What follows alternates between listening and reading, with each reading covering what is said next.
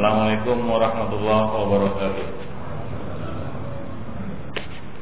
Alhamdulillah Wassalatu wassalamu ala rasulillah Wa ala alihi wa ashabihi Wa man tabi'ahum bi ihsan ila yaumiddin Amma ba'du Fa inna ahsanal kalami kalamullah Wa khairal hadi hadi Muhammad sallallahu alaihi wasallam وشر الأمور محدثاتها وكل محدثة بدعة وكل بدعة ضلالة وكل ضلالة في النار وبعد Penelitian Hazani Allah wa iyyakum jami'an insyaallah pada pagi ini kita akan meneruskan pembahasan kitab Bulughul Maram. Kita sudah sampai pada hadis berkaitan dengan e, cara membersihkan bejana yang dijilat oleh anjing. Hadis yang ke-12 dari Abu Hurairah radhiyallahu anhu.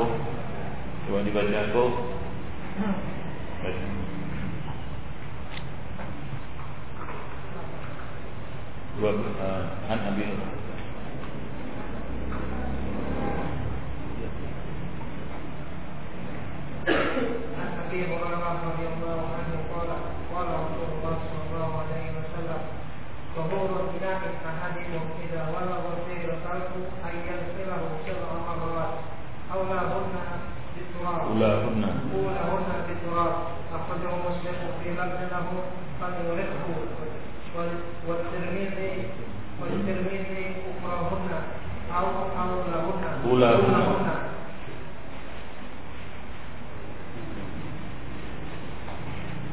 dari Abu Hurairah radhiyallahu anhu dia berkata kepada Rasulullah sallallahu alaihi wasallam, "Tahuru ina'i ahadikum." Tahuru ina'i ahadikum. Tahur bisa dibaca dua, bisa dibaca dengan memfathahkan ta, bisa dibaca dengan mendomahkannya tuhuru ina'i ahadikum. Kalau dibaca tahur berarti maksudnya adalah alat untuk mensucikan bejana salah seorang dari kamu. Kalau dibaca tuhur berarti cara membersihkan bejana salah seorang dari kamu. Tuhur dan tahur kalau dibaca dengan dhammah ta ini bacaan yang paling masyhur tuhur. Maka maksudnya adalah al-fi'lu, cara.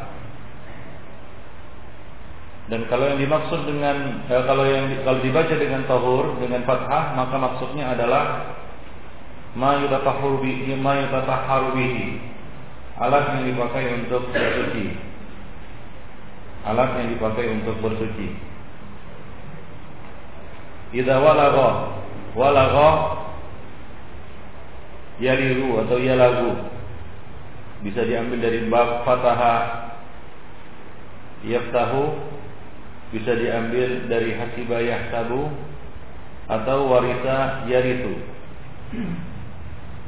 bisa dibaca walagha yaliru bisa dibaca walagha yalagu al-wulu adalah asyurbu bi atrafil lisan yang dimaksud dengan wulu walagha adalah minum dengan ujung lidah. Minum dengan ujung lidah biasanya ini adalah cara minum hewan.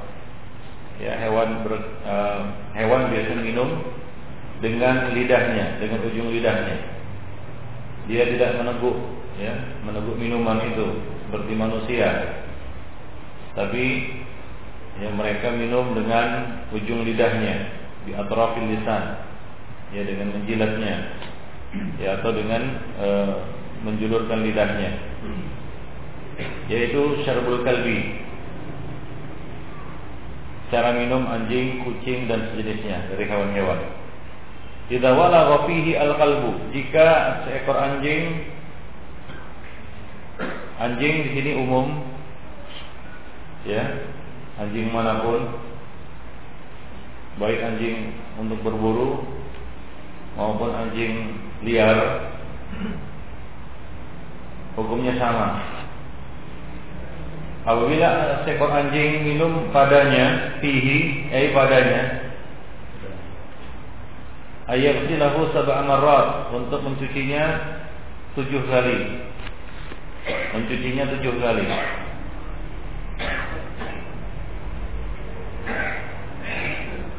Ulahun nabi turab. Cucian pertama dengan tanah.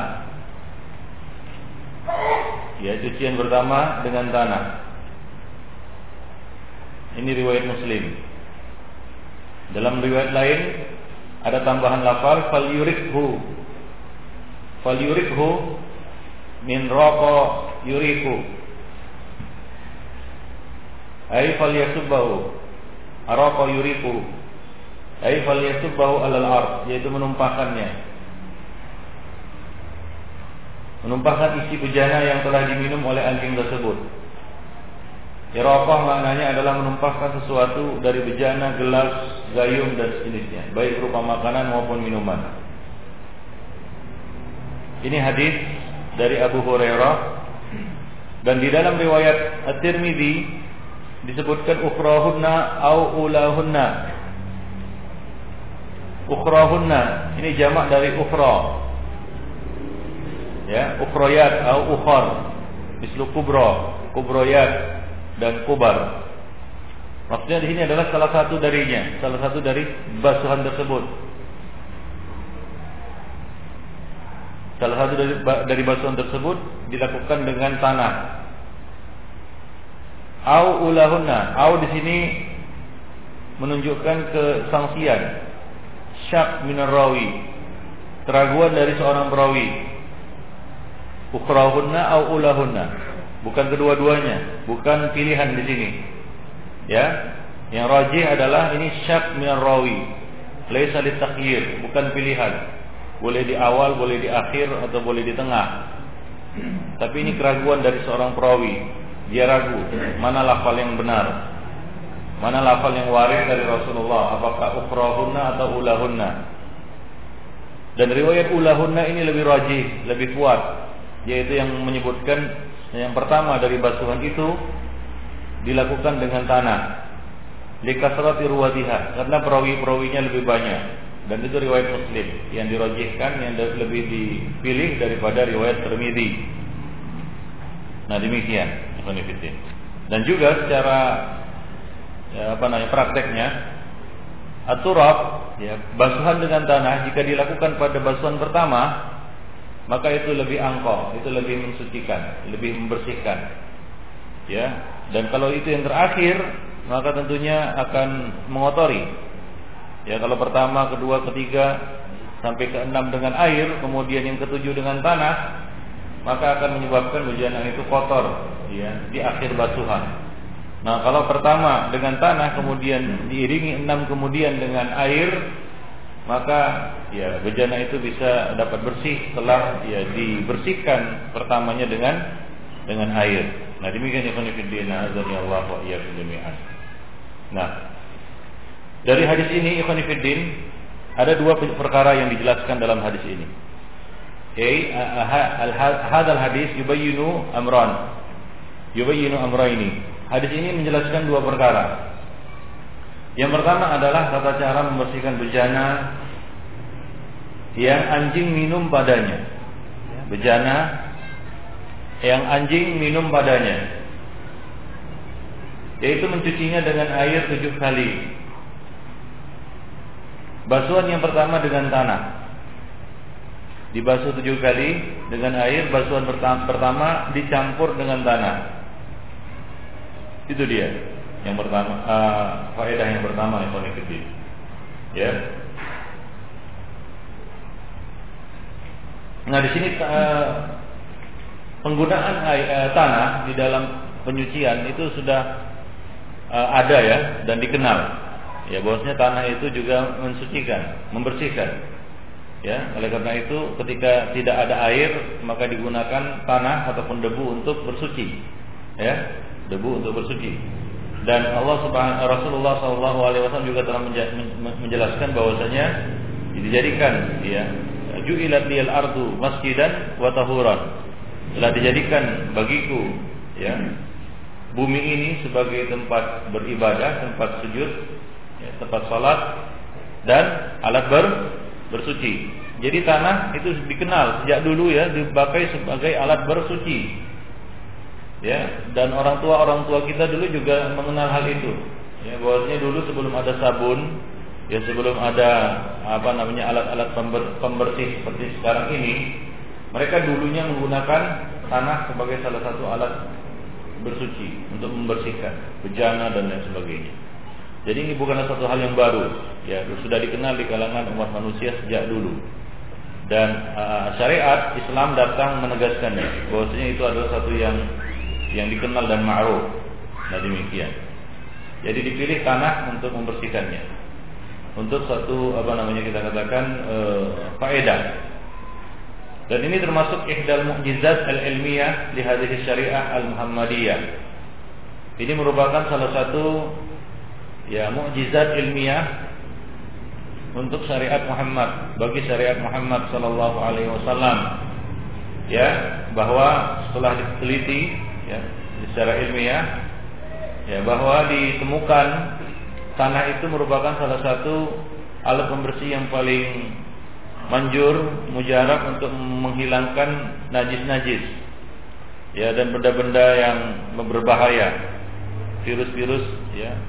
Kemudian apa namanya Eh, makhluk-makhluk yang makhluk-makhluk kecil ya, ya mikroba-mikroba yang bisa membahayakan itu bisa dibersihkan dan dihilangkan dengan tanah, terutama eh, kita katakan eh, virus-virus ataupun sel-sel yang ada pada eh, air liur anjing.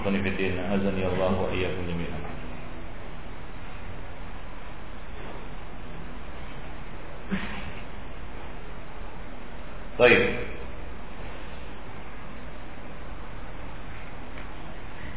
Nah kemudian Ikhwan yang jadi pertanyaan adalah bolehkah ya e, tanah di sini diganti dengan yang lainnya?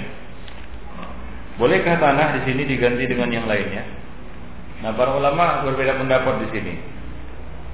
Sebagian mengatakan ini merupakan perkara ta'abudi yang tidak bisa dikiaskan.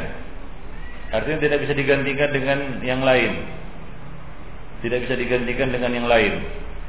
Nah, kalau tidak ada tanah, maka gugur eh, kewajiban untuk menggunakan tanah. Maka dicuci tujuh kali dengan air.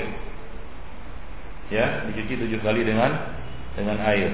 Karena Nabi tidak menyebutkan kecuali air dan tanah. Ya, kecuali air dan tanah. Dan apabila tidak ada tanah, ketiadaan tanah, maka kembali kepada hukum asal ya, bersuci yaitu dengan air. Sebagian mengatakan ini adalah perkara ta'budiyah yang tidak ada, yang tidak bisa dikiaskan. Artinya ghairu ma'qulil makna. Tidak bisa di apa namanya dikiaskan dengan logika.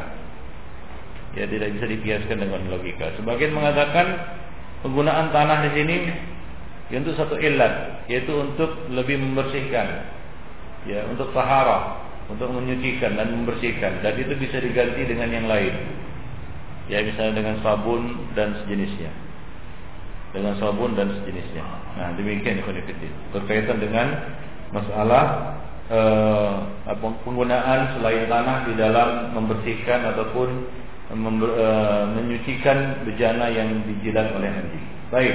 Nah kemudian yang kedua perkara kedua yang bisa dipetik dari hadis ini adalah hukum suur. Suur itu sisa air sisa air minum sisa minum, sisa minum dan sisa makan anjing, dan status air yang ada di dalam bejana tersebut. Status air yang ada di dalam bejana tersebut. Yang pertama dulu, hukum suur yaitu sisa minum anjing. Dalam kitab sebelum salam disebutkan, ya, dalam kitab sebelum salam disebutkan, As-Sana'ani mengatakan menumpahkan air, ya perintah untuk menumpahkan air, falyurikhu, ya artinya tumpahkanlah air itu, merupakan perbuatan membuang-buang harta. Ya, menumpahkan air yang ada di dalam bejana itu merupakan perbuatan membuang-buang harta. Kiranya air itu suci, tentu tidak disuruh untuk membuangnya. Sementara Rasulullah Shallallahu Alaihi Wasallam melarang kita membuang-buang harta melarang kita membuang-buang harta. Jelaslah mulut anjing hukumnya najis. Ya, dan air yang ada di dalamnya itu menjadi najis karena ber apa namanya bersentuhan ataupun terkena benda najis. Nah, itu merupakan konsekuensi hukum yang merupakan ya kita katakan e, mafhum ya yang bisa diambil dari e, hadis ini. Kita wala wal qalbu ya fi ina'i hadikum ya ayat dalam sabal marat kemudian di dalam lafal disebutkan fal yurikhu perintah untuk menumpahkan ya ini bisa diambil dari mafhum dari situ. Ya bisa diambil mafhum dari situ maupun muwafaqahnya yaitu apa? Bahwa air itu merupakan benda yang sudah ternajisi. Jadi air yang sudah dijilat oleh anjing dan anjing minum di situ hukumnya najis. Dan itu juga berkonsekuensi bahwa ya lidah anjing ya lidah anjing adalah najis. Nah ini yang disepakati oleh para ulama ini yang disepakati oleh para ulama. Lidah anjing najis. Adapun bagian badan yang lainnya seperti badannya ekornya kakinya dan lain sebagainya para ulama berbeda pendapat. Ya apa hukumnya? Apakah najis juga atau tidak? Ya benda apa namanya? Bagian-bagian anjing yang lain. Nah ini para ulama berbeda pendapat di dalam masalah itu. Baik. Sofiur Rahman Mubarak Puri mengatakan yaitu di dalam syarah Tirmizi Hadis ini menunjukkan najisnya mulut, ludah dan air liur air liur anjing. Nah ini yang disepakati oleh ulama.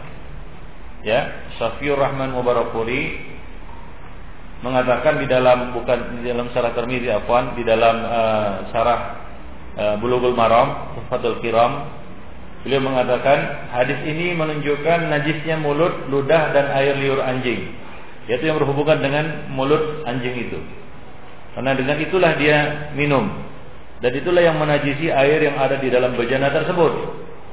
Ya maka para ulama menyepakati mulutnya termasuk di dalamnya air liurnya, ludahnya, hukumnya najis.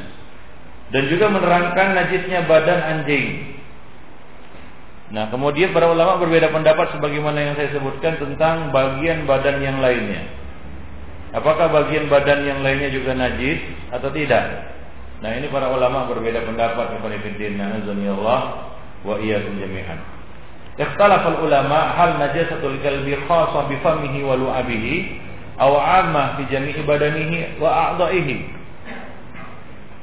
Berbeda pendapat ya, para ulama berbeda pendapat apakah Kenajisan anjing ini khusus pada mulut dan air liurnya awamah atau umum pada seluruh badannya dan anggota tubuhnya yang lain selain mulut. Zahabal jumhur, jumhur ulama berpendapat, jumhur berpendapat anna najasatahu amah li jami'i badani. Bahwa najisnya ini umum, meliputi seluruh bagian badannya wa anal ghusla bi hadhihi sifah amun aidan dan membersihkan ya dari sentuhan anjing ini umum baik yang tersentuh badannya tersentuh mulutnya tersentuh eh, apa namanya ekornya atau seluruh dari bagian anjing itu Wadzalika minhum ilhaqan lisairi badani lisairi badanihi bifamihi. Mereka mengkiaskan dan menyamakan hukum badan ini dengan mulut. Wa Imam Malik wa Daud Az-Zahiri Adapun Imam Malik dan Daud Az-Zahiri berpendapat an ila qasril hukmi ala lisanihi wa famihi. Wa hukumnya hukumnya ini, hukum najisnya ini hanya sebatas mulut dan lidahnya saja. Termasuk lu'abnya, yaitu air liurnya. Wa dzalika annahum yarawna anna al-amr bil ghusl ta'abbudi la lin najasah. Mereka mengatakan bahwa perintah mencucinya itu adalah perkara ta'abudiyah, bukan semata-mata menghilangkan kotoran. Wa ta'abudi yuksaru 'alan nas. Adapun perkara-perkara ta'abudiyah ini tidak boleh melewati apa yang telah dijelaskan di dalam nas. Ya, tidak boleh melewati apa yang telah dijelaskan di dalam nas. Artinya, ya fala yata'addahu, tidak boleh melebihi apa yang telah diterangkan di dalam nas itu. Dia ada di ma'rifatil illah. Karena kalau dikatakan perkara ta'budiyah maka illahnya ya tidak bisa ditetapkan. Karena dia perkara ta'budi. Nah demikian. Jadi ini perbedaan pendapat di kalangan ulama yang Fillah. Azani Allah wa iyyakum Baik. Kemudian mereka juga mengatakan, ya, kalaulah air liurnya saja najis, bagaimana dengan kotorannya? Kotoran anjing, ya tentunya lebih najis lagi. Jadi mereka berdalil dengan mafhum di sini. Ya mereka berdalil dengan mafhum. Baik, ikhwan fillah Allah wa jami'an. Dan Sofiur Rahman Mubarakuri di sini mengatakan dan juga menerangkan najisnya badan anjing seperti yang disyaratkan dalam hadis tentang wajibnya mencuci bejana yang dijilat anjing sebanyak tujuh kali. Ya, jadi beliau di sini berpendapat seperti pendapat jumhur yaitu anjing itu najis hukumnya secara keseluruhan. Baik, bukan hanya lisannya, bukan hanya badannya, uh, bukan hanya uh, lidahnya, bukan hanya mulutnya, tapi seluruh bagian anjing itu najis. Ya, ini adalah pendapat ya, Imam Syafi'i juga, ya. Dan ini yang masyhur pendapat yang dipegang oleh kebanyakan orang-orang di di sini di Indonesia. Imam Syafi'i mengatakan jami'u a'dha'il kalbi seluruh anggota tubuh anjing yaduhu wa dhanbuhu wa rijluhu aw ay adwin idza waqa'a fil ina ghusila sab'a marrat ba'da ihraqi ma fihi. Seluruh anggota tubuh anjing mulai dari tangannya itu kakinya tentunya atau ekornya atau atau apa pun dari bagian tubuhnya apabila jatuh dalam bejana yaitu terkena dalam bejana bejana yang terisi air ya misalnya anjing jatuh ya dalam ember. Ya atau dalam bejana kita. Marrat. Maka harus dicuci bejana itu tujuh Tujuh kali dengan ketentuan yang telah, telah disebutkan tadi. Yang pertama dengan apa? Dengan tanah Kemudian berikutnya dengan air. Setelah ditumpahkan Air yang ada di dalam bejana tersebut. Jadi tumpah penuh airnya itu dibuang. Lalu eh, gimana? Dicuci tujuh kali dengan ya benda apa namanya eh, perkara yang kita sebutkan tadi ya dengan tanah dan dengan air. Nah demikian yang menefidin. Azan ya Allah wa Nah kalau ada yang bertanya bagaimana dengan anjing-anjing yang dibolehkan untuk dipelihara? Ya, anjing-anjing yang dibolehkan untuk di dipelihara. Misalnya anjing apa? Anjing berburu, ya, anjing untuk menjaga ternak ataupun menjaga uh, apa namanya kebun. Nah, di sini para ulama mengatakan Innal kalba al-ma'dun fihi lisayd bahwa anjing yang diizinkan yaitu yang dibolehkan untuk dipelihara lisayd wal harti wal masyiyah ya untuk berburu untuk menjaga sawah ataupun kebun dan untuk menjaga al-masyiyah yaitu hewan-hewan ternak mustasna min hadzal umum. Dikecualikan dari hukum umum ini. Wa dzalika binaan ala qaidah samahatus syariah wa yusriha. Nah ini berdasarkan kaidah syariat yaitu kemudahan. Ya karena susah ya untuk menghindari. Wal masyaqqah tajlibu taysir. Mereka mengatakan kesulitan itu mendatangkan kemudahan Nah ini masalah yang Fiddin. Yang mengatakan seluruh bagian tubuh anjing itu najis. Lalu bagaimana dengan anjing berburu? Anjing berburu kita lepas dengan mengucapkan, mengucapkan bismillah Maka hasil tangkapannya itu halal. Kalau dia menangkap, menerkamnya ya maka halal untuk dimakan. Ya tentunya ketika dia menerkam hewan ini ya itu tidak akan lepas dari sentuhan. Ya dia akan bersentuhan. Ya taruhlah dia tidak bersentuhan dengan tuannya misalnya pakai tali kan jauh ya tidak bersentuhan itu bisa. Tapi dengan hewan yang akan ditangkapnya itu kayaknya tidak mungkin. Ya dan minimal dia akan menangkapnya dengan mulutnya. Lalu yang menjadi pertanyaan ya bagi para ulama yang berpendapat seperti itu itu jumhur di sini ini masalah Ya bagaimana dengan hewan tangkapan itu? Apakah juga perlu disama? yaitu dicuci dengan air atau dengan tanah dan air atau tidak? Karena tidak ada di dalam syariat penjelasan dari Nabi ketika Nabi menghalalkan itu, ya, menghalalkan memakan hewan buruan itu untuk perintah, ada perintah untuk mencucinya dengan dengan tanah dan air. Nah, kalaulah itu harus, maka pasti harus dijelaskan. Nabi akan menjelaskan bahwasanya ya, cucilah dia tujuh kali sebelum kalian makan.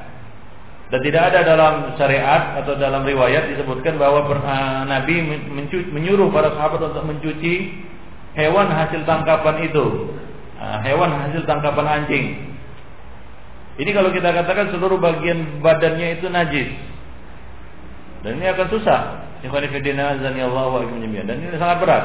Jangankan hewan apa yang kita katakan, jangankan anjing-anjing berburu, anjing-anjing yang liar yang tidak dipelihara dan tidak boleh dipelihara, itu akan susah kita menghindari persentuhan dengannya. Nah, kalaulah ya, setiap persentuhan dengan anjing ini akan menyebabkan ya akan menyebabkan uh, kita katakan perintah jatuhnya perintah untuk mencucinya dengan ya, dengan air tujuh kali dan dengan tanah sekali tentu ini akan sangat menyusahkan. Sangat menyusahkan. Ya demikian pula yang mengatakan bahwa tangkapan ya apa mulut, lidah dan air liurnya itu najis. Lalu me mewajibkan untuk mencuci ya, mencuci apa namanya? Uh, hewan buruan itu dengan air dan tanah ini juga sangat susah. Karena tentunya tidak akan lepas dari apa? dari persentuhan dengan ya, ya tentunya dengan mulutnya ya. Dia anjing menangkap buruannya dengan mulutnya. Dia akan menerkamnya dengan mulutnya. Ya, kemudian dia akan membawanya juga dengan mulutnya dan mungkin kemungkinan besar dia akan menjilatnya. Nah, akan menimbulkan masalah. Ya, akan menimbulkan beberapa problem. Oleh karena itu sebagian ulama mengatakan, nah ini adalah satu yang dikatakan ta'um bihil balwa perkara yang menimbulkan kesusahan yang besar maka dimaafkan. Artinya dibolehkan. Ada kata nazul dari hukum. Ya dan kita lihat di sini ketidakkonsistenan di dalam menetapkan hukum. Nah oleh karena itu kita masih membedakan antara hukum najis anjing itu dengan perintah untuk mencuci. Kalau kita bedakan ya maka Ikhwanifidin kita akan bisa mendapatkan kesimpulan hukum yang lebih tepat. Ya kita katakan bahwa Anjing najis. Seluruhnya najis. Ya tapi yang diperintahkan untuk dicuci dan disamak dengan air dan tanah, istilahnya disamakkan di sini ya. Itu dicuci dengan air eh, dengan tanah dan air itu hanya yang di eh, bejana yang dijilat oleh anjing. Yang anjing minum di situ. Ya, mengikuti nas yang ada. Ya, dan dalam hal ini mungkin kita lebih condong kepada pendapat ya, ya, seperti Imam Malik dan pendapat Zahiriyah yang mengatakan ini perkara ta'abudiyah nggak bisa ditakwil dan dijelaskan ataupun di apa namanya dikiaskan dengan logika. Nah dengan demikian kita bisa selamat dari berbagai hal yang apa namanya eh, kita kesulitan-kesulitan di dalam menentukan hukum-hukum yang lain. Misalnya tentang hewan tangkapan. Ya kita katakan bahwa hewan tangkapan anjing tidak perlu dicuci dan disamak dengan tanah dan air. Kenapa? Karena tidak disebutkan sebagai wulu. Ya, air anjing tidak minum. Ya, dia cuma menangkap. Dan tidak ada perintah di sini untuk apa? Menyamaknya dengan tanah dan air. Nah, itu khusus ya perintah untuk menyamak dengan tanah dan air khusus berkaitan dengan apa? Anjing yang menjilat bejana dan minum minum badannya. Ya, minum bah badannya. Nah demikian. Ya, jadi kita bedakan, kita pisahkan antara kenajisan anjing secara keseluruhan. Ya kita katakan kita lebih condong kepada pendapat jumhur dan itu juga pendapat yang dipilih oleh mayoritas ulama. Ya, Ya beliau mengatakan eh, di sini dikatakan oleh eh, apa namanya oleh Sofiur Rahman Mubarakpuri dia mengatakan ya eh, para ahli menjelaskan uh, bahwa anjing ya adalah najis. Anjing adalah benda najis. Demikian juga ini pendapat yang dipilih oleh uh, uh, Syekh Husain Al Awaisyah Jadi dalam kitab uh, apa namanya uh, ensiklopedia fikih ya uh, Mausu'ah fikih muyassarah ya beliau mengatakan ya menggolongkan anjing sebagai salah satu benda najis. Anjing sebagai salah satu benda najis. Seluruhnya ya seluruhnya. Cuma ikhwan fillah azanillahu wa jami'an yang perlu dicuci dengan tanah dan air itu hanya apa? Yang di bejana yang dijilat oleh anjing saja. Bejana yang dijilat oleh anjing. Bejana yang dijilat oleh anjing dan anjing minum badannya. Itu saja yang kena hukum mensucikan dengan tanah dan air sebanyak tujuh kali. Adapun selain itu, maka tidak ada perintah untuk mencucinya dengan tanah dan air sebanyak tujuh kali. Lalu bagaimana hukumnya? Ya, hukumnya adalah sama seperti benda-benda yang terkena najis. Yaitu dicuci saja dengan air, nggak perlu sampai tujuh kali, sekali saja sudah cukup. Misalnya kita terkena anjing, ya, ataupun dijilat anjing, maka cuci saja dengan air. Ya, nggak perlu di apa namanya disama eh, dengan tanah dan dan air. Nah demikian Ibn Nah ini untuk menggabungkan ya pendapat-pendapat yang ada Ibn Fidin azani Allah wa Baik. Nah, para ahli ya tentunya ahli kesehatan, ahli medis telah menjelaskan tentang ini, tentang hikmahnya ya. Kenapa uh, syariat memerintahkan kita untuk menyamahnya dengan tanah dan air sebanyak tujuh kali? Nah, para ahli medis menjelaskan bahwa dalam usus anjing banyak terdapat cacing pita yang sangat halus. Ya, panjangnya kira-kira 3 mm. Jika anjing membuang kotorannya, maka di dalam kotorannya mengandung banyak telur cacing pita dan banyak tersangkut di bulu dan tumbuh di sekitar anus anjing. Dan jika anjing membersihkan anusnya dengan lidahnya, maka telur tersebut berpindah ke lidah anjing tersebut. Dan jika anjing menjilat sebuah bejana atau air minum, ya, atau anjing itu minum e, dicium oleh manusia atau e, mencium manusia, sebagian dilakukan oleh orang-orang barat, maka berpindahlah telur-telur itu ke tempat-tempat tersebut. Dengan demikian sangat mudah bagi apa namanya bagi bakteri ataupun telur itu masuk ke dalam mulut manusia saat makan dan minum. Nah demikian itu Jadi dijelaskan di sini tentang eh, apa namanya kotoran yang ada pada anjing itu ya, kotoran yang ada pada anjing.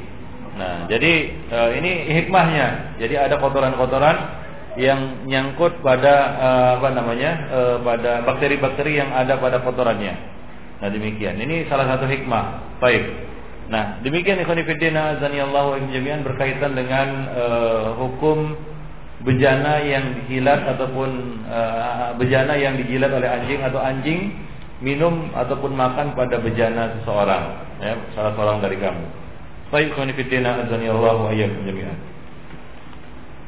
Nah kemudian ada beberapa perkara yang bisa diambil dari hadis ini. Ya di antaranya adalah kencing anjing. Jika anjing kencing, ya maka apa hukumnya? Apakah kencingnya najis? Ya, para ulama mengatakan bahwa kencing anjing baulu al-kalbi hukumnya najis. Ya, hukumnya najis sama seperti hukum air liurnya. Nah dalam hal ini ada uh, kita menggunakan uh, mafhum muwafaqah awlawi. Kita katakan kalau yang keluar dari mulutnya saja najis, bagaimana pula yang keluar dari dari dubur dan kubul dan duburnya, yaitu uh, apa namanya kencing dan dan tinjanya dan kotorannya. Tentunya lebih najis lagi. Allah Baik. Nah itu berkaitan dengan kotorannya adrah dan baulnya. Nah kemudian Ikhwanifidin mengenai anjing. Ya anjing. Tadi kita sudah jelaskan bahwa anjing adalah najis. Dan kaidah mengatakan setiap yang najis itu haram di haram di dimakan. Maka dari, dapat juga diambil dari situ bahwasanya anjing dilarang untuk dimakan. Anal kal muharramul akli diharamkan untuk dimakan. Ya karena dia mengandung najis. Maka tiap najis ya diharamkan untuk dimakan. Maka tidak boleh memakan anjing. Tidak boleh memakan anjing. Nah, di sana ada yang berpendapat bahwa anjing boleh dimakan, makruh kata mereka. Ya, karena tidak ada dalil nas Quran yang melarangnya, ya, mengharamkannya. Kita katakan bahwa apa yang diharamkan di dalam sunnah sama seperti yang diharamkan dalam Quran. Nah, kalau dicari-cari dalam hadis juga nggak ada mengharamkan makan anjing. Kita katakan diambil dari kaidah umum, ya dari hadis-hadis yang lain, yaitu hadis-hadis yang melarang kita untuk menggunakan bejana yang dijilat oleh anjing dari kenajisan anjing itu. Nah, kenajisan anjing ini menyebabkan jatuhnya hukum haramnya dimakan. Ya, ya, anjing haram di haram dimakan. Nah, demikian. Baik. Jadi itu hukum anjing, yaitu haram dimakan, bukan makruh. Baik, khonifidina azani Allah wa. Nah, di samping itu ada tanda-tanda lain. Ya, ada ada apa namanya? Ada dalil lain yang mengharamkan anjing ini. Ya, yang menyebabkan anjing ini haram dimakan, yaitu apa? Dia memiliki nab, yaitu eh, apa namanya? taring. Ya, dia memiliki taring Anjing termasuk binatang yang bertaring dan muftaris. Siba yaitu dia menerkam buruannya, dia menerkam apa namanya? buas. Ya, maka dia dilarang untuk dimakan Ikhwanifidina azan ya Allah wa iyyakum dengan sifat-sifat ini. Ditambah lagi dia adalah benda najis berdasarkan keterangan yang telah kita sebutkan tadi. Maka ini lebih menguatkan hukum haramnya anjing, ya, yaitu untuk dimakan. Jadi dia najis dan dia haram dimakan. Dan syariat juga mengat, uh, Rasulullah Wasallam juga mengatakan ya la zarar wala tidak boleh mudaratkan orang lain dan mudaratkan diri sendiri dan makan anjing termasuk memudaratkan diri sendiri. Baik. Nah juga juga ikhwan fillah azani Allah wa iyyakum jami'an. Para ulama menggolongkan anjing ini sebagai uh, najis yang mughalladhah. Ya, najasah terbagi tiga, ada tiga macam. Najasa ada tiga macam. Yang pertama najasah mughallazah. Yang kedua najah uh, Yang kedua mukhaffafah. Najasah mukhaffafah. Mukhaffafah ini terbagi dua. Najasah mukhaffafah ada dua macam, ada dua jenis. Yang pertama Baulul Zakar As-Saghir Air seni anak laki-laki yang masih kecil Alladhi lam ya'kul ta'am Yang belum makan makanan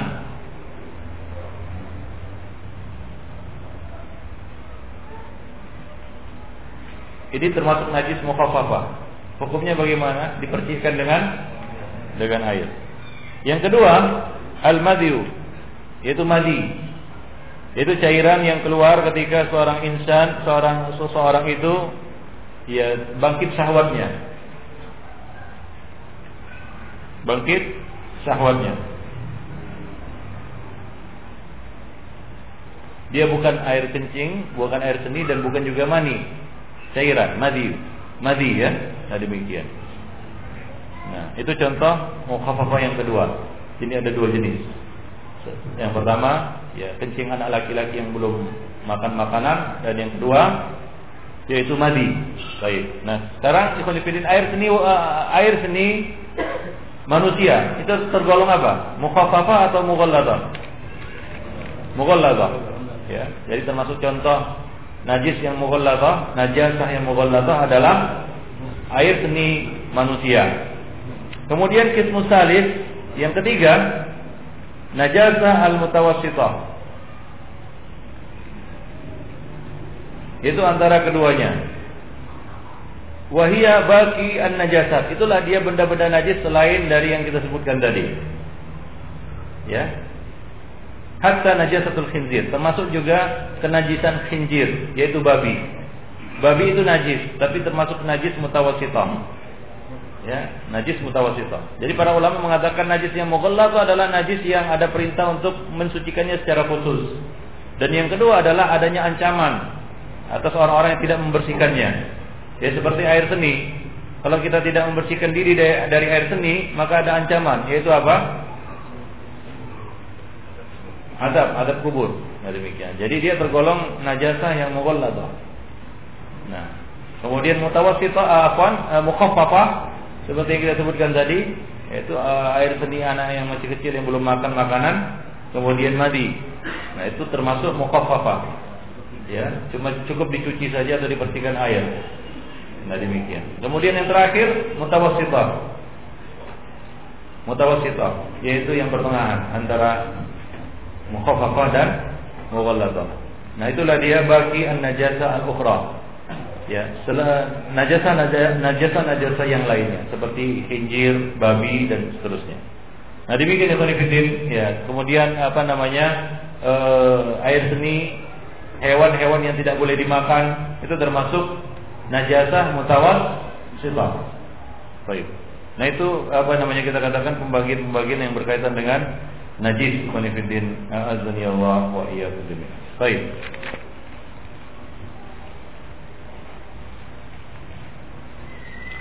Jadi dapat kita simpulkan ya, yang pertama ikhwan bahwa ya eh, hadis ini menunjukkan perintah untuk mencuci bejana yang telah dijilat oleh anjing.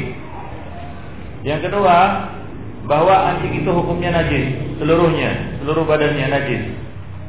Ya. Yang ketiga, perintah untuk mencuci dengan tanah dan air itu khusus berlaku untuk bejana yang dijilat oleh anjing, bejana dan sejenisnya yang dijilat oleh anjing. Tidak untuk yang lainnya. Ya misalnya hewan buruan yang ditangkapnya tidak perlu disamak dengan tanah dan air. Ya, cukup dicuci saja dengan air ya, tanpa perlu disamak ataupun dicuci dengan tanah dan air. Demikian juga kalau kita bersentuhan dengan anjing atau dijilat oleh anjing, maka tidak perlu disamak dengan tanah dan air. Cukup dicuci dengan air. Maksudnya dicuci dengan sabun juga itu sudah cukup. Nah, jadi ini perintah ini ta'abudiyah tidak bisa dikiaskan dengan yang lainnya. Kemudian yang keempat ya, menjelaskan bahwa haramnya anjing yaitu anjing haram dimakan berdasarkan hadis ini. Nah, ini kita ambil dari mafhum ya. Nah, demikian ya dari hukum najisnya anjing tadi. Ya, nah, hukum najisnya anjing berarti apa? Anjing haram di dimakan ya wa Nah, itulah dia beberapa hal yang berkaitan dengan hadis ini. Hadis yang kita bacakan tadi yaitu idza walagha al-kalbu fi ina'i ahadikum atau idza uh, tahuru atau atau tuhuru uh, ina'i ahadikum idza walagha fihi al-kalbu ayat silahu sab'a marrat ulahun nabi turab. Kemudian cara yang benar adalah ya yang kita pilih yaitu ya basuhan yang pertama dengan dengan tanah. Kemudian basuhan selanjutnya baru dengan dengan air. Nah, telah, tadi juga kita telah jelaskan bahwa di dalam bab ini tanah tidak bisa digantikan dengan benda-benda lain. Ya, tanah tidak bisa digantikan dengan benda-benda lain, yaitu dicuci dengan tanah. Baik. Nah, kalau tidak ada tanah, maka cukup mencucinya dengan dengan air sebanyak tujuh kali. Baik. Kita tahu bahwasanya pada zaman Nabi banyak alat pencuci lainnya, misalnya daun, ya, ataupun batang batang-batang pohon dan lain-lain sebagainya, atau batu ataupun yang lainnya. Tapi Nabi tidak menyuruh untuk menggantikan tanah dengan benda-benda itu. Kalaulah itu adalah mengganti tanah, maka Nabi akan menjelaskannya. Sementara kaidah mengatakan la yajuz ta'khirul bayan an waqtil hajar. Tidak boleh menunda penjelasan pada waktu dibutuhkan. Nah, kalau seandainya tidak ditemukan tanah, apakah boleh diganti dengan yang lainnya? Nah, Nabi tidak menyebutkan pengganti tanah. Nabi hanya menyebutkan tanah dan air. Maka alat sucinya kalau tidak dengan tanah maka dengan dengan air. Nah, kalau tidak ada tanah maka cukup dengan air. Demikian ikhwan fillah, Allah wa Itu berkaitan dengan hadis yang kita bacakan tadi. Baik. Nah kemudian yang berikutnya sisa sisa minum dan makan kucing. Hadis yang ke-9.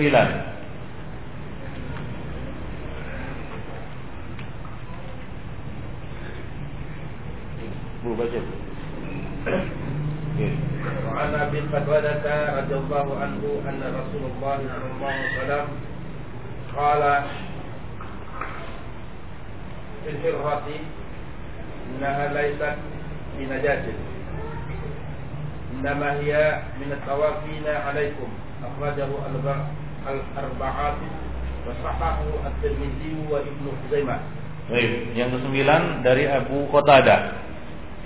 Hadis Abu Qatadah tentang hukum kucing. Ya, hukum sisa makan dan sisa minum kucing. Nah, kucing termasuk hewan yang ada di sekitar kita. Diriwayatkan dari Abu Qatadah radhiyallahu anhu bahwa Rasulullah sallallahu alaihi wasallam bersabda tentang kucing. Yaitu apa hukumnya kucing?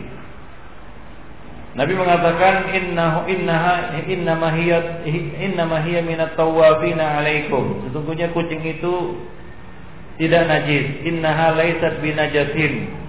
Jadi qala fil hirrah ya, beliau ditanya tentang kucing. Ya, beliau ber, menjelaskan tentang kucing, ditanya tentang kucing, maksudnya tentang apa? Tentang hukumnya. Tentang hukum najisnya atau uh, najis tidaknya kucing ya tentang najis tidaknya kucing. Maka Nabi menjelaskan innaha laisat binajasin.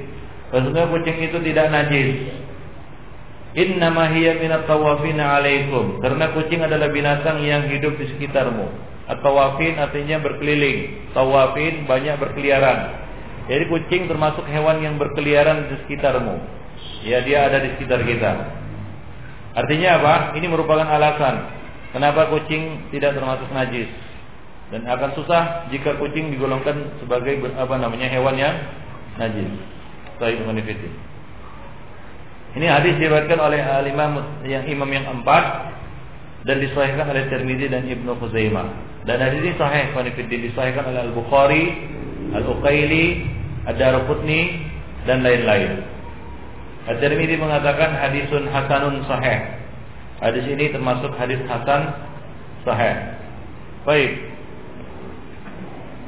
Perawi hadis ini yaitu Abu Qatadah radhiyallahu anhu. Ini dikenal dengan kunyahnya. Siapa? Abu Abu Qatadah. Siapa Abu Qatadah? Namanya adalah Al Harith bin Rib'i bin Baldamah Al Ansari Al Khazraji As Sulami. Dari situ kita dapat mengetahui beliau adalah salah seorang sahabat Ansar dari suku Khazraj. Ya, ada ada dua suku di Madinah, dua suku besar, yaitu Aus dan Khazraj. Ia dikenal dengan dengan sebutan kunyahnya, yaitu Abu Qatadah. Beliau adalah salah seorang anggota pasukan berkuda Rasulullah Shallallahu Alaihi Wasallam. Nah, para ulama masih berselisih pendapat tentang apakah ia ikut dalam perang Badar atau tidak. Namun yang jelas ia turut serta dalam peperangan Uhud dan peperangan-peperangan sesudah perang Uhud. Namun para ulama berbeda, pendapat apakah ia termasuk salah seorang sahabat yang ikut dalam perang perang Badar? Nah ini masih diperdebatkan. Rasulullah Shallallahu Alaihi Wasallam berkata kepadanya pada peperangan Dzulqarat, ya salah satu peperangan yang diikuti oleh Abu Qatadah. Rasulullah berdoa ya Allah berkahilah rambut dan kulitnya serta berilah keberuntungan baginya. Jadi ia termasuk sahabat yang didoakan oleh Rasulullah Shallallahu Alaihi Wasallam keberkahan pada rambut dan kulitnya, serta diberi eh, apa namanya Nabi mendoakan baginya keberuntungan baginya. Dan dia wafat di Madinah pada tahun 54 Hijriah dalam usia 72 tahun. Dikatakan bahwa Ibn Fiddin rambut dan kulitnya tidak keriput ya ketika wafatnya. Atas berkat doa Nabi Shallallahu Alaihi Wasallam. Nabi mengatakan, Ya Allah berkahilah rambut dan kulitnya. Dia berusia berapa? Ia wafat di Madinah pada tahun 54 Hijriah dalam usia 72 tahun. Normalnya kalau orang usia 72 tahun, bagaimana kulitnya dan rambutnya? Ya? Siapa di sini 60 tahun? Bagaimana? Pasti berubah dan kulit keriput kan begitu ya. Nah, Abu Qatadah Ibn ini termasuk salah satu berkah doa Rasulullah Sallallahu Alaihi Wasallam. Beliau, ya, sampai akhir usia itu tidak keriput dan tidak berubat. Ya, tidak keriput dan tidak ber, berubat. Baik. Penjelasan kosakata yang ada di dalam hadis ini, mufradatul hadis, al-hirrah. Hirrah dibaca dengan mengkasrahkan ha, hirrah, yaitu kita Ya, mak, eh, atau disebutnya sinauria atau sinaur. Ya, sinaur kucing. Kucing liar dikatakan sinaur. Ya. Kucing yang ada di sekitar rumah ya, atau yang jinak biasanya disebut hira atau kita. Demikian ikhwan fillah azani Allah wa iyyakum jami'an. Baik.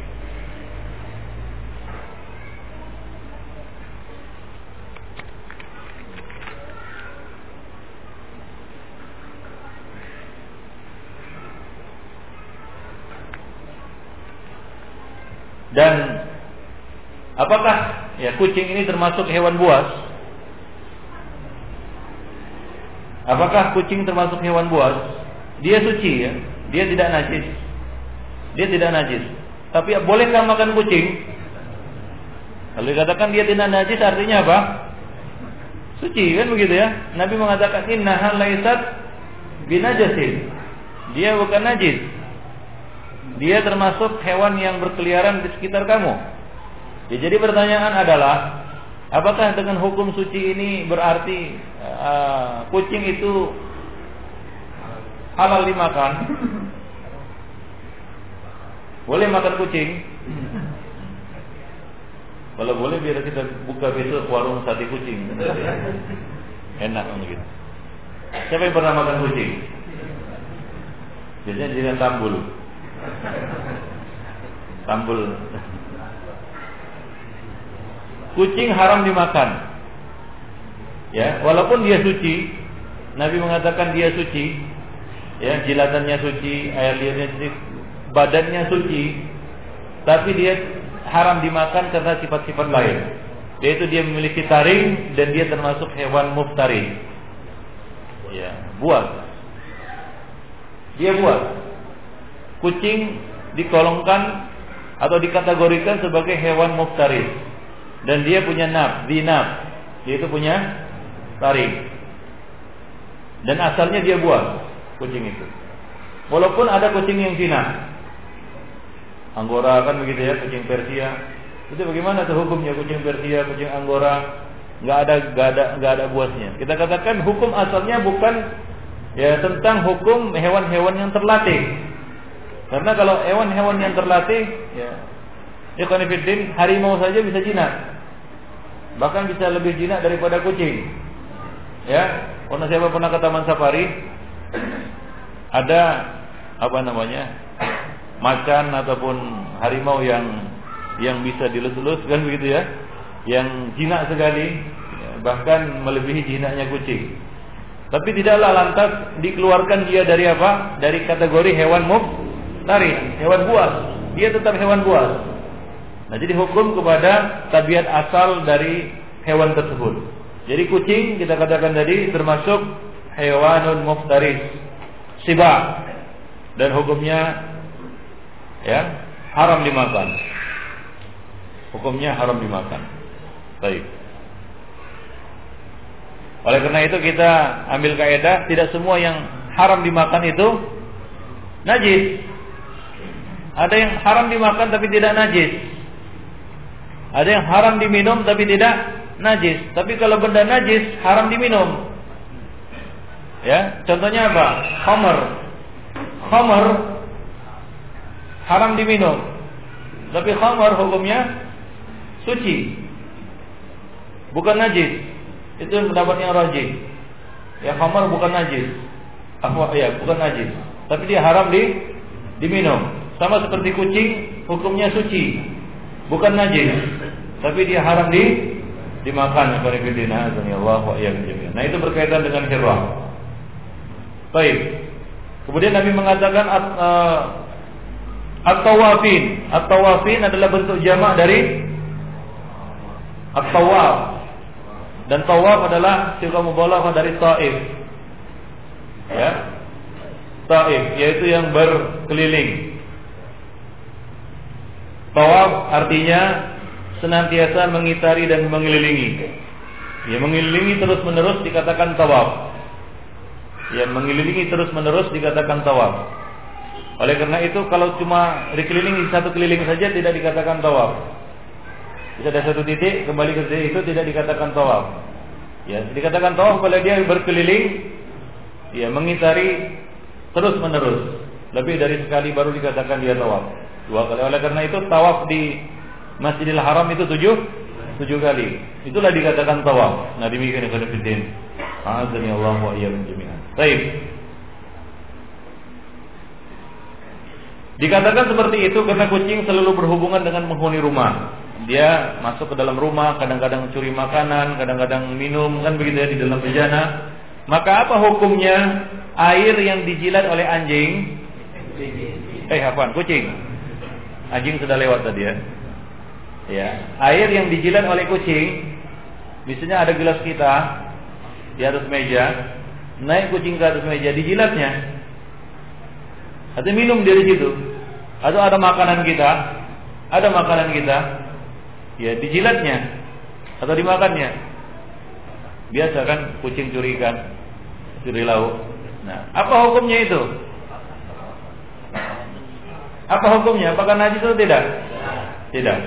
Kenapa? Karena kucing bukan bukan najis, dia suci. Maka sisa minum dan makannya digolongkan suci, tidak najis. Jadi tidak perlu dibuang, tidak perlu dibersihkan dan tidak perlu dibuang bagian yang dimakannya. Hah? Apa?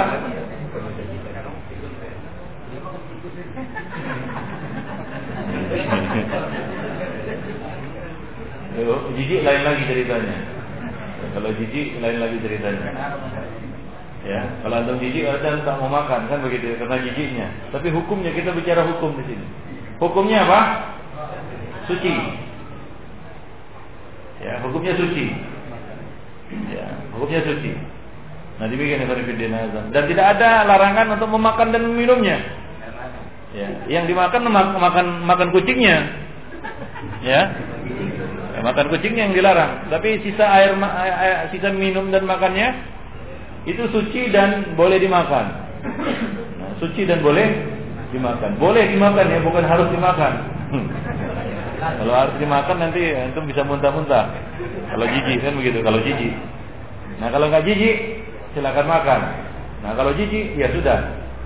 Ya, apa namanya? Uh, tinggalkan yang yang meragukan kamu kan begitu ya. Janganlah antum minum ya di bejana yang sudah dijilat kucing habis itu antum muntah-muntah masuk rumah sakit dan lain sebagainya. Baik. Demikian ikhwan fillah azani Allah wa iyyakum Ya, kita tidak bicara tentang kasus-kasus tertentu ya. Kita ini bicara hukum secara umum. Ya, kasus-kasus tertentu misalnya ada yang bertanya, "Ustaz, bagaimana Ustaz? Kalau kucing itu baru nangkap tikus, habis itu naik ke atas meja, makan dia, gimana itu?"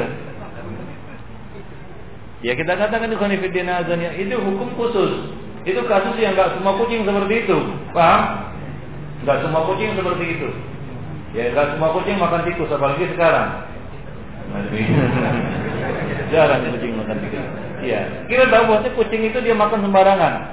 Ya, dia makan sembarangan. Dia termasuk hewan apa? Karnivora atau omnivora dia? Omnivora dia. Dia makan tumbuhan juga. Karnivora dia. Antum kelas berapa sekolahnya dulu? Karnivora dia. Karena asalnya dia makan daging. Dari Asalnya dia makan daging. Dia nggak bisa makan tumbuhan saja. Kalau manusia bisa makan tumbuhan saja, nggak perlu makan daging, bisa. Ya, nah demikian itu. Baik. Jadi kita tahu bahwa dia makan apa saja.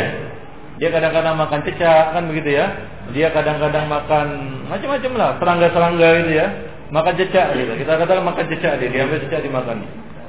Ya, lalu habis itu naik ke atas meja dia. Dicurinya ikan kita. Atau enggak dicurinya, dimakannya saja. Atau mau digondolnya kan gitu, kita tangkap dia, kita ambil itu ikan. Ya makanlah ikan itu, kan begitu ya. Ma, ikan itu namanya ikan rasa cicak. ya, ikan rasa cicak. Nabi mengatakan demikian. Ini hukumnya, ya bahwa syariat mengatakan dia suci, bukan najis. Ya, maka dalam hal ini kita percaya saja kepada syariat. Sebagaimana perintah Nabi untuk mencelupkan apa? Lalat.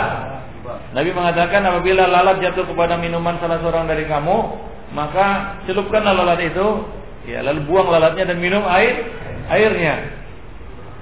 Minum airnya. Kenapa? Karena Nabi menjelaskan, ini Nabi menjelaskan. Apa penjelasan Nabi? Karena salah satu dari kedua sayapnya terdapat penawar bagi racun yang ada pada sayap yang lain. Itu sebabnya. Nah, di sini Nabi juga menjelaskan sebabnya. Kenapa kucing itu tidak najis? Karena dia adalah binatang yang berkeliaran di sekitar kamu. Kalau dia mengatakan, Ustaz, anjing juga berkeliaran sekitar kita. Lain, Nabi telah menjelaskan hukum anjing pada pada hadis yang yang khusus. Nah, demikian ikhwan fillah azani Allah wa jami'an. Baik. Jadi itu dia alasannya dan kita percaya saja dengan syariat bahwa syariat tidak akan mungkin. Ini kaidah.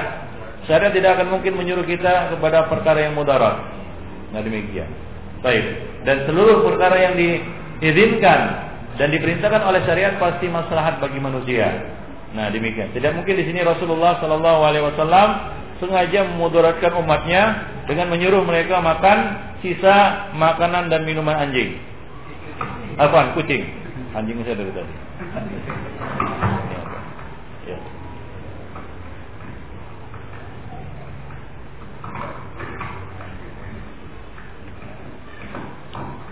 Ya. Baik, kali kecil, Allah wa iyyakum jami'an. Baik, jadi dapat kita jelaskan ya bahwa kucing hukumnya suci. Baik. Ya, dan dapat diambil faedah dari hadis ini. Yang pertama, annal hirrah laisat binajasin fala yanjus ma la, la masathu au wala. Ya bahwa kucing bukan najis dan tidak najis pula apa yang bersentuhan dengan kucing dan apa yang diminum dan dimakan oleh kucing. Illatnya Nabi menjelaskan al illah fi dzalika dan illatnya adalah annaha minat tawafin karena kucing termasuk hewan yang berkeliaran di sekitar kita. Dan hadis ini termasuk hadis yang menjadi dalil sebuah kaedah kuliah yang sangat agung yaitu apa? Al-masyaqqah tajlibut taysir bahwa kesulitan itu mendatangkan ke kemudahan. Kesulitan mendatangkan kemudahan. Nah, Nabi menjelaskan innaha minat tawafin. Bayangkan betapa sulitnya kita jika an, uh, kucing dihukumi najis. Wah itu susah itu. Jika kucing dihukumi najis. Kita tahu dia tidak bisa dicegah untuk masuk ke dalam rumah. Kadang-kadang dia nggak seperti anjing ya anjing itu ya mungkin punya sifat dia itu taklid kepada tuannya. Itu anjing. Ya sifat anjing itu taklid kepada tuannya. Taklid kan apa yang disuruh tuannya? Suruh duduk duduk dia. Ya. keluar keluar dia. Kan begitu ya. Anjing lebih nurut artinya. Artinya lebih mudah diatur. Ya dia sifatnya mukallid anjing itu mukallid nah kucing tidak demikian Nah, kucing itu lebih pintar dia daripada anjing. Lebih cerdik dia. Ya. Kucing itu adalah adalah contoh bagi orang-orang politik, kan begitu ya, seperti kucing. Ya. Maka disebut malu-malu kucing, kan gitu ya. ya. Kayaknya dia aman saja begitu. Tiba-tiba hilang ikan kan gitu. Kan begitu. Kayaknya aman-aman aja. Dia eh, kadang-kadang apa namanya?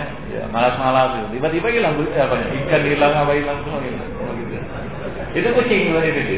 Kalau anjing, ya makanan tuannya walaupun di depan hidungnya, kalau dikatakan jangan makan, anjing itu tidak mau makan dia.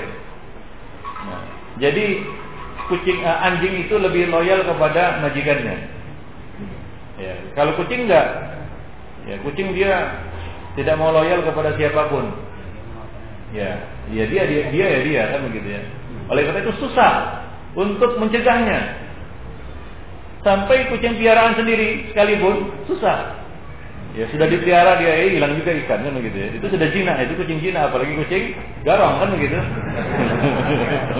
kucing garam atau kucing garong. Lebih susah lagi. Nah ini sangat menyusahkan. Nggak bisa kita menyetop kucing itu susah. Tapi kucing yang jinak sekalipun susah untuk dihentikan aksinya. Ya ada saja kadang-kadang yang ya apa namanya kita dia nggak mau nurut dia kita letak di situ bejana dia minum kan begitu ya Beda dengan anjing, anjing nggak mau dia, lebih nurut dia anjing itu, Ikhwanifidin. Azani Allah wa iyyakum Baik. Nah, demikian. Oleh karena itu syariat memberikan kemudahan bagi kita dengan mengangkat hukum ya atau menjatuhkan atau memberikan hukum suci bagi uh, bagi kucing dan mengangkat hukum najis darinya. Ya, apa namanya? Untuk untuk apa? Untuk taisir lid taisir, lijabut taisir, untuk kemudahan bagi ya umat Islam atau umat Muhammad sallallahu alaihi wasallam. Nah demikian yang berikutnya rahimani wa rahimakumullah. Dan kesucian kucing ini ya ya para ulama mengatakan sabda Nabi inna laysat bin najasin dalilun ala taharatu jami'a a'dha'il hirra wa badaniha. Ini menunjukkan dalil Ya, ini adalah dalil sucinya seluruh bagian tubuh kucing. Ya, ini adalah pendapat yang yang paling sahih. Ya, di seluruhnya suci, baik itu lidahnya, mulutnya, air liurnya, ya, dan badannya. Kalau ada yang bertanya, Ustaz, bagaimana dengan baul dan e, apa namanya, agrahnya, yaitu kotorannya? kotoran kucing dan kencing kucing suci atau najis. Nah ini kembali kepada khilaf ulama tentang masalah uh, air seni ataupun kencing ataupun uh, kotoran hewan yang tidak boleh dimakan hewan yang tidak boleh dimakan dagingnya. Jumhur ulama mengatakan hewan yang tidak boleh dimakan dagingnya maka kotorannya ya, najis. Air seninya yaitu kencingnya dan tainya yaitu kotorannya najis. Nah, di dalam hal ini para ulama berbeda pendapat tentang apa namanya hewan-hewan yang tidak boleh dimakan dagingnya, yaitu diharamkan untuk dimakan. Ada dua pendapat di sini, kita tahu. Zahiriyah berpendapat tidak ada dalil kata mereka, maka suci.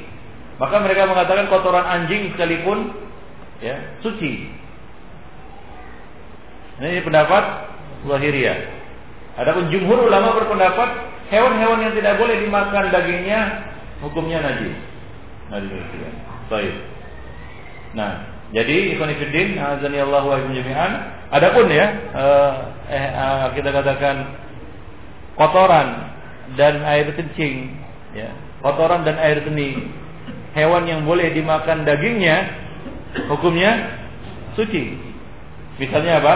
Kambing, onta, ayam, dan lain-lain sebagainya. Sapi itu hukumnya suci, ya tidak najis. Suci tidak najis. Suci dan tidak najis. Maka dari itu ada di dalam syariat bolehnya minum air kencing onta. Air kencing onta. Boleh diminum air kencingnya? Boleh? Boleh. Ya. Dan katanya itu obat. Nabi SAW pernah memerintahkan apa namanya dua orang yang kena demam untuk minum air kencing onta dan mereka sembuh dari demamnya. Ya, sembuh dari demamnya. Jadi air kencing onta itu obat. Itulah dia onta kencingnya jadi obat kan begitu ya. Tapi tehnya bukan jadi jimat. kencingnya obat itu itu itu onta. Bagi yang ya apa namanya yang sanggup mungkin bisa menghilangkan penyakit malaria. Kalau dia kena virus malaria, maka salah satu obatnya adalah minum kencing onta. Dikisahkan, dikisahkan bahwasanya Syekh Mukbil pernah berobat dengan cara ini dan sembuh dari malarianya. Nah demikian, yaitu minum kencing onta. Wallahu a'lam bishawab. Dan juga ikhwan ya hewan-hewan yang boleh dimakan ini kalau diharamkan e, kalau dikatakan najis ya air seninya ini akan susah. Kenapa? Ketika akan di apa namanya diambil susunya ya itu kadang-kadang akan tercampur sedikit ya kotoran-kotorannya kan begitu ya. Ketika proses apa namanya merah susunya ya kadang-kadang ada kotorannya yang mercik kan begitu ya nggak akan lepas dari itu dan susah kadang-kadang. Nah, dengan itu kita katakan bahwa ini tidak mengapa. Ya boleh dia. Dia apa? Diminum. Dan tidak najis susu itu karena kecampur sedikit misalnya kencingnya atau apanya. Karena dia tidak dikatakan najis. Wallahu a'lam. Baik. Maka dari itu ada satu daerah yang mengolah kembali eh, kotoran sapi jadikan sayur ya ada apa apa namanya? Orang karu katanya di di di Mandailing juga ada namanya. Hah? yaitu apa namanya? Daun ubi atau anda juga nggak ngerti. Iya. Nah itu katanya diolah jadi makan iya betul itu. Anda belum pernah lihat dan belum pernah juga mencicipinya. Hah? betul. Apa? Kotoran yang belum itu jadi gimana ngeluarkannya? Yang ada di dalam perutnya? Dipotong. Jadi untuk makan sayur motong kerbau gitu? Hebat juga ya.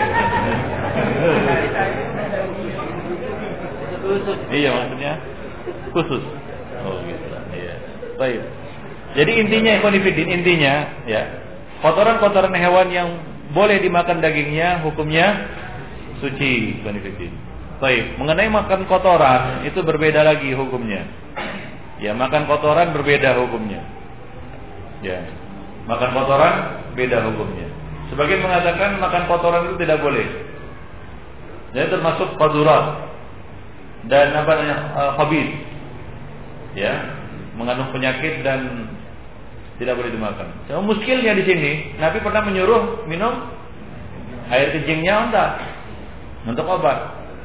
Apakah itu khusus air kencing onta atau boleh? Ya, hewan-hewan lain yang di apa namanya setelah diteliti ataupun dicoba ternyata tidak mudorot, ya ternyata tidak mudorot, Ya seperti mungkin sebagian daerah yang saya sebutkan tadi, mereka makan saja dan mereka tidak mudarat karena makan itu. Maka apa hukumnya? Kita katakan hukumnya ikhwan fillah Allah wa tidak ada dalil yang mengharamkannya.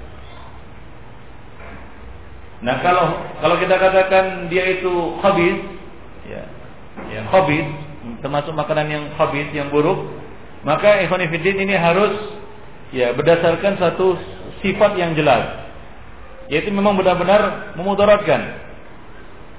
Ya, benar-benar memudaratkan. Nabi pernah dihidangkan dop. Apa itu dop? Biawa. Nabi tidak memakannya. Tapi mempersilahkan orang-orang untuk memakannya. Nabi mengatakan sesungguhnya itu makanan tidak biasa dimakan di daerah kami. Ya, bagi sebagian orang mungkin makan dop itu makan apa? uh, biawak itu jijik. Ya, uh, jijik kita melihat biawak aja jijik kan gitu ya. Bagian orang enggak enggak mau makannya. Ya, Nabi tidak memakannya, tapi Nabi tidak mengharamkan orang lain untuk memakannya. Nah demikian ikhwan fillah azani Allah wa iyyakum jami'an. Baik. Jadi hukum asal makanan itu mubah. Ini dia masalahnya. Paham? Hukum asal makanan mubah. Ya. Wa huwa alladhi ardi jami'an. Dan dialah Allah Subhanahu wa taala yang telah menjadikan bagi kamu seluruhnya apa yang ada di atas muka bumi ini. Hukum asal makanan itu adalah halal. Hukum asal makanan halal, kecuali yang diharamkan oleh syariat. Kecuali yang diharamkan oleh syariat. Maka kita katakan ikhwan sarahatan Ya, terus terang kita katakan bahwa label halal itu keliru. Apa? Label halal itu keliru. Setelah seharusnya apa? Label haram. Ya? Seharusnya label haram. Haram. Nah, sebagian di bagian negara seperti itu bukan label halal, tapi label haram. Haram kan begitu ya. Berarti nggak boleh dimakan. Karena hukum asal dari makanan itu halal. Ngapain ditulis halal? Memang halal, memang dasarnya halal ya, ya, gitu ya. Kecuali ada sebab-sebab yang membuat dia haram, maka ditulislah haram kan begitu. Jadi lebih simpel sebenarnya kalau label itu diganti. Tapi ya tentunya Ekonifidis kalau pakai label halal ini nilai bisnisnya lebih besar kan gitu. Karena akan banyak minta label halal kan gitu. Tapi kalau label haram kan ya nggak ada nanti yang datang ke kan gitu. Tepi nanti dia. Gitu. Maka dipilihlah yang ramai kan gitu ya. Pakai label halal. Sebenarnya itu kita katakan ya, keluar dari kaidah asal. Karena kalau kita pakai kaidah asal, ya, kita pakai kaidah asal, hukum asal makanan itu makanan apa pun. Sebagaimana kata orang, semua yang ada di udara itu halal kan gitu kecuali kapal terbang. semua yang ada di darat itu halal kecuali motor tank. Ya, itu itu hukum. Ya, hukum asal bagi makanan-makanan yang ada semuanya apa? Halal kecuali yang diharamkan oleh syariat karena sifat-sifat tertentu atau karena ilat-ilat tertentu. Ada sebab-sebab tertentu. Misalnya dia itu apa? Mengandung mudarat. Ya atau diharamkan oleh Al-Qur'an seperti babi, darah, bangkai, kan begitu ya? Ya, hewan-hewan yang menjadi bangkai biar itu biar, meskipun dia tercekik, jatuh, terpukul dan sejenisnya, maka haram di haram dimakan. Ya, makanan yang dipersembahkan untuk apa namanya? sembelihan yang dipersembahkan untuk ber berhala walaupun di, disembelih dengan bismillah tapi dipersembahkan untuk berhala haram karena sifat tertentu yaitu apa? Ini dijadikan sebagai persembahan kepada disembahkan untuk selain Allah Subhanahu wa taala walaupun dia sapi. Nah, jadi hukum asal makanan itu adalah apa? Halal kecuali yang diharamkan oleh syariat. Maka kita katakan bahwa sebenarnya ya label halal itu itu apa namanya ya kita katakan bertentangan dengan hukum asal. Ngapain dikasih label halal? Ya memang hukum asal makanan itu halal. Ya. Ganti saja dengan label haram. Jadi jelaskan gitu kalau nggak ada labelnya halal lah memang. Ya kan? Kecuali yang ada yang ditulis haram kan gitu ya, haram gitu. Sekarang tulisan halalnya pun lain, halal kan gitu ya. halal kan tanpa alif pun itu. Nah, demikian yang nazar dari Allah wa Baik. Nah, diriwayatkan dari Daud bin Saleh bin Dinar As-Sammar dari ibunya bahwa majikannya mengutusnya untuk menemui Aisyah dengan membawa harita. Harita ini jenis bubur yang terbuat dari gandum dan sedikit ada potongan-potongan uh, daging padanya.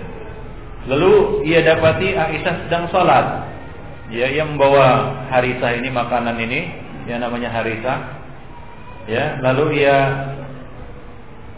menemukan atau ketika sampai di rumah Aisyah ternyata Aisyah sedang sedang salat. Aisyah memberi isyarat supaya aku meletakkannya. Itu diletakkan bawaan itu diletakkan. Ini merupakan dalil bahwa, bahwa orang yang sholat boleh melakukan gerakan untuk suatu masalah. Misalnya tutup pintu kan begitu ya? Atau pergi atau letakkan kan begitu ya isyarat-isyarat yang mengandung satu makna yang bisa dipahami oleh orang-orang yang tidak sedang sholat. Ya menyuruh diam gitu ya dan seterusnya. Nah ayah sedang sholat maka ia mengisyaratkan supaya diletakkan itu makanan.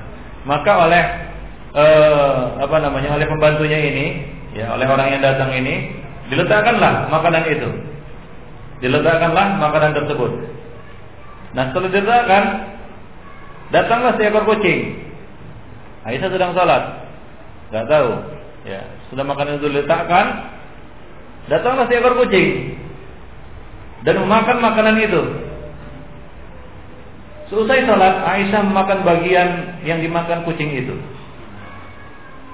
Selesai salat, Aisyah memakan makanan yang dimakan oleh kucing itu. Bagian yang dimakan oleh kucing itu, bukan bagian yang lain.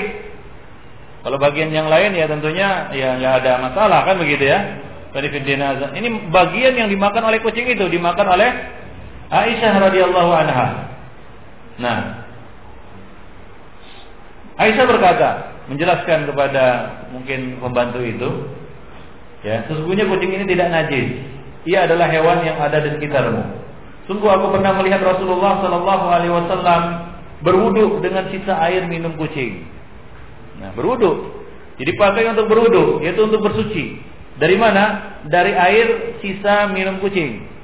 Ya kucing minum di situ, Nabi beruduk dengan air tersebut. Jadi ini menunjukkan bahwa dia itu suci dan boleh digunakan untuk sebagai alat ber bersuci manifidin. Ya.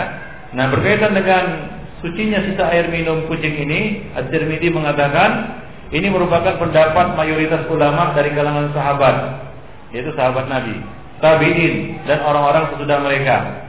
Ya seperti Imam Asy-Syafi'i, Ahmad, Ishaq bin Rahuya dan lain-lain. Mereka menganggap sisa air minum kucing tidak mengapa atau tidak najis. Demikian ikhwan fillah Allah wa iyyakum Nah itulah yang berkaitan dengan hukum kucing, ya. Berkaitan dengan hukum kucing. Baik. Nah kemudian tidak ada beda ya antara kucing yang liar dan kucing yang dipelihara, kucing yang jinak. Karena kucing itu ada dua juga dia. Ada kucing liar dan ada kucing jinak. Nah dalam hal ini tidak ada beda antara hukum kucing liar dan kucing jinak dan tidak ada beda juga antara kucing hutan dan kucing kota. Ya sinaur, sinaur adalah kucing hutan. Ya sinaur. Dan hirrah kitun kan begitu ya. Ini kucing-kucing yang biasa di ada di kota, di kampung dan sebagainya. Ya tidak ada beda hukumnya antara kucing kota dan kucing kucing kampung maksudnya dan kucing hutan. Hukumnya sama. Di, di hutan juga ada kucing ya, kucing hutan. Apa hukumnya? Sama dengan kucing ya kampung. Nah kemudian mungkin sebagian hukum berkaitan dengan hewan-hewan yang mirip kucing. Seperti apa? Oh, harimau mirip kucing. Jauh kali bedanya. Contohnya apa? Musang. Ya, musang.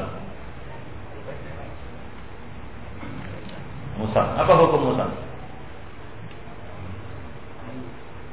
Iya, maksudnya najis atau tidak najis? Musang apakah disamakan dengan kucing?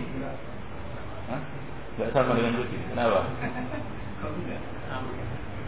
Ada ada bedanya musang dengan kucing? Hah? Iya, hukum sucinya, hukum sucinya. Hukum sucinya. Suci atau tidak suci dia? Yang rajih hukumnya suci. Musang termasuk apa namanya? e, hewan yang dihukumi suci. Ya karena dia hampir sama apa namanya e, tabiatnya dengan kucing. Ya dia hidup di sekitar manusia. Ya dia hampir sama dengan kucing. Hukumnya juga dinyatakan suci. Ya, e, tapi tetap tetap haram dimakan. Nah demikian. Dan termasuk juga yang disamakan adalah al-fa'ru. Fa'rah. Tikus. Tikus. Al-fa'rah tahirah. Kucing, bukan kucing lagi. Tikus. Tikus itu hukumnya suci. Kenapa? Li'annaha minat tawafin. Karena dia juga ada di sekitar manusia. Di rumah banyak banyak tikus. Dan kadang-kadang tikus malam-malam datang mencuri makanan kan begitu ya, menggerogoti ini itu dan lain sebagainya. Maka apa hukumnya makanan yang digerogoti tikus? Hah? Suci, boleh dimakan. Nah demikian. Kalau ada yang mengatakan, bukankah Rasulullah SAW pernah berkata tentang farah, tentang tentang tikus? Eh, tamu tuh mani yang mati di, di misalnya di apa namanya di minyak ya ataupun di makanan. Nabi mengatakan al-quha wa buanglah tikus itu dan makanan yang ada di sekitarnya. Kita katakan, "Na'am, benar. Ini sabda Nabi sallallahu alaihi wasallam." Ya. Nabi telah mengatakan ini, walakin hadhihi maitah. Tapi itu berkaitan dengan apa? Tikus yang jadi bangkai. Mati jatuh di situ. Tapi tikus yang tidak jadi bangkai, wal fara idza matat takunu najisah. Wal hirra aidan idza matat takunu najisah. Jangankan eh, tikus, kucing saja kalau dia mati jadi jadi bangkai, jadi najis. Ya. Wadzalika li anna al-illa allati min ajliha khufifat zalat al-an. Karena nah, apa namanya uh, illat yang karenanya itu dihiringankan hukum tersebut telah hilang. Nah, apabila dia sudah mati. Karena kalau dia sudah mati dia nggak bisa keliling-keliling. gitu ya. Kalau dia mati masih bisa keliling-keliling, ini ya Tom and Jerry gitu. Kalau dia mati nggak bisa keliling-keliling, maka tidak dikatakan tawafin. Paham? Tidak dikatakan tawafin, maka ilatnya hilang. Ya, maka hukumnya juga berbeda. Karena hukum berkaitan dengan ilat. Nabi mengatakan ilatnya tawafin. Nah, kalau dia sudah mati jadi bangkai, maka hukumnya hukum bangkai najis. Ya, kucing, tikus dan sejenisnya. Musang. Nah, kalau dia mati jadi najis dan dihukumi bangkai. Ya, najis. Nah, kalau dia tidak mati, ya seperti yang saya contohkan tadi, ya. Tikus datang menggerogoti makanan kita. Ya. Apa namanya? E, lauk kita. Ya. Makanan kita, ya ikan kita, daging kita dan lain sebagainya, sayuran semua digerogoti tikus. Apa hukumnya? Apakah perlu dibuang itu bagian yang digerogoti tikus? Tidak perlu. Ya makan. Kalau nggak jadi. makan. Ustaz, apakah dibedakan tikus peliharaan yang kecil itu apa namanya? Ham, hamster dan tikus got. Apakah disamakan hamster dengan tikus got? Ya kita katakan sama. Tikus selama namanya masih tikus. Masuk di dalamnya kelinci, tupai dan sejenisnya. Hukumnya apa? Suci. Nah demikian. Nah, sisa makannya suci. Sisa makannya suci. Nah, sisa minumnya juga suci. Oleh karena itu kalau kelinci makan marmut, kelinci, tupai makan eh, apa namanya? Uh, apa? Wortel. Nggak habis, antum yang habisi. Gak perlu dibuang bagian mulutnya, makan saja. Jadi kelinci kan gitu. Suci dia, secara hukum suci. Itulah yang bisa dipetik dari hadis yang kita bacakan tadi. Nah berkaitan dengan kucing dan hewan-hewan yang sejenis dengan kucing yang memiliki ilat yang sama yaitu tawafuna alaikum yang berada di sekitar kamu. Nah hukumnya suci sebagaimana disebutkan tadi. Nah hukum sucinya ya, bukan hukum memakannya itu beda. Ya, makan tikus bagaimana? Bolehkah makan tikus? Jawabnya tidak boleh. Nah, nanti akan dijelaskan dalam bab makanan. Baik, jami'an itulah dia pertemuan kita pada hari ini. Nanti akan kita lanjutkan dengan hukum air seni, kotoran dan air seni manusia. Ya, kotoran dan air seni manusia. Kalau yang mengatakan manusia juga minat tawafina alaikum. Dari kita. Apakah dihukum suci juga? Kencing manusia. Kalau dihukum suci maka nggak perlu ada tulisan dilarang kencing di sini. Diganti saja, silakan kencing di sini. Karena tidak najis. Baik, nanti akan dijelaskan pada pertemuan yang akan datang. Demikian Ikhwanifidin pertemuan kita pada hari ini berkaitan dengan hukum eh, apa namanya eh, air seni ataupun eh, tadi apa anjing dan kucing.